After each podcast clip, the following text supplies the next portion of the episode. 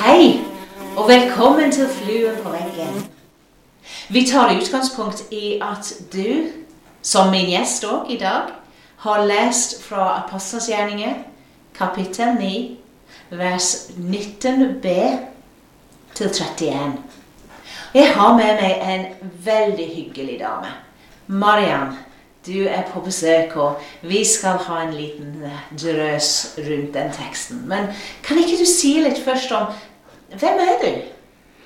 Ja, hei. Eh, jeg heter Marianja. Eh, vokste opp i Tananger. Jeg er 54 år gammel.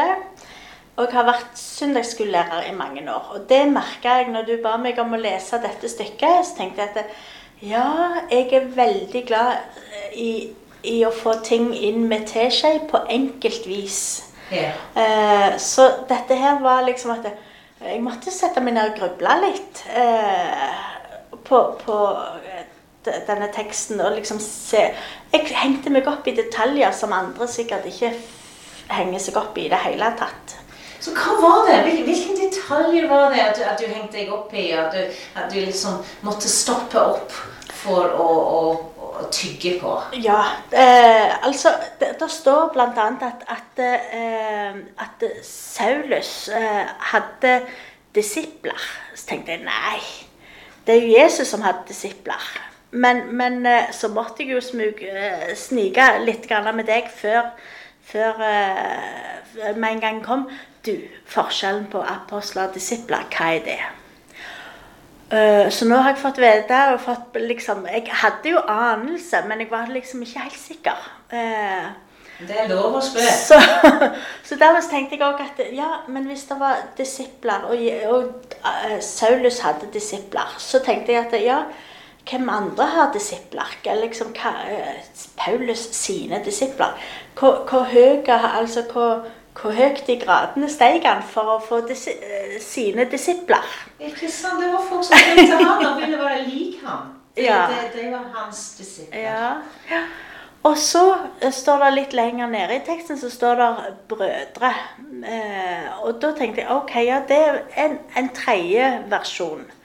Eh, så tenkte jeg at ja, hadde han brødre? Så tenkte jeg nei, det er sikkert kristne venner.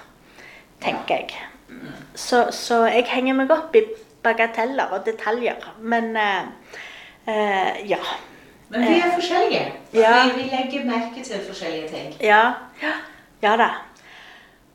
Så eh, Poenget som jeg syns var spennende det altså, Helt i begynnelsen så, så står det at Saulus sa at han er Guds sønn. Så tenkte jeg at ja, det Etter den Etter å ha vært sånn, sånn en kjeltring som Paulus var, eller Saul var, så tenker jeg at det, det må han si med overbevisning. Han må, han må være skikkelig overbevist. Og det, hvis jeg hadde møtt en kjeltring som forteller dette, så jeg, jeg lurte jeg litt sånn på Ja, ville jeg trodd han? Ikke sant? Ja. Så det, det var litt sånn Ja. Eh, han er Guds sønn. Han må ha sagt det med en so- solid overbevisning, tenkte jeg. Ja. Og så ble han firt ned langs muren i ei korg. For plutselig så var det han som var trua. Og det òg var liksom Oi! Ja, nå ble det snudd. Nå får han kjenne på den frykten. ja, ikke sant? Ja. Og jeg er jo TV-slave. Jeg elsker å se på filmer.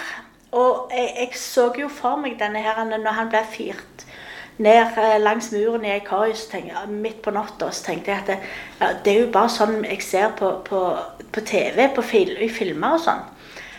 Og så kom jeg til at det, ja, for meg, i mitt trygge Tananger, så er det så uvirkelig at jeg sammenligner dette med en film.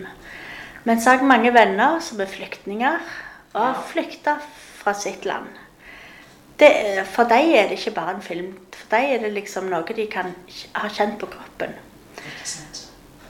Så plutselig så var det litt reelt allikevel. Så det var liksom at det, Oi. Ja.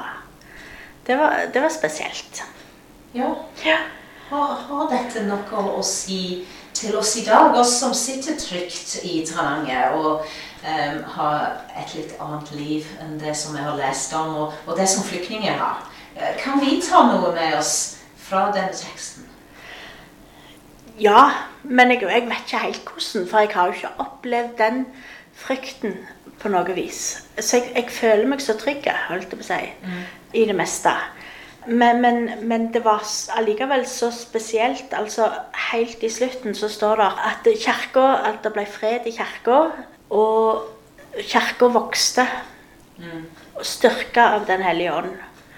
Så tenkte jeg at ja, fra å, å ha opplevd den forfølgelsen som, som alle var så redde for, for, for Saulus, til uh, at han ble misjonær, så, så er det helt utrolig.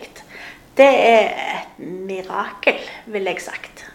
Og det, da, tenker jeg at ok, eh, da er drømmer og ønsker og bønner mulige, tenker jeg. Ja, og at et møte med Jesus kan forandre og forvandle folk til de grader. Det, det skjer ikke bare i Bibelen, men det skjer også i dag. Det, det er så fint at du var med, Mariam. Kjempefine refleksjoner som du har gjort deg. Og jeg håper at dere som hører på, kan reflektere litt enten alene eller sammen med noen andre rundt disse tingene som vi har nå snakket om. Tusen takk, Mariam. Sjøl takk.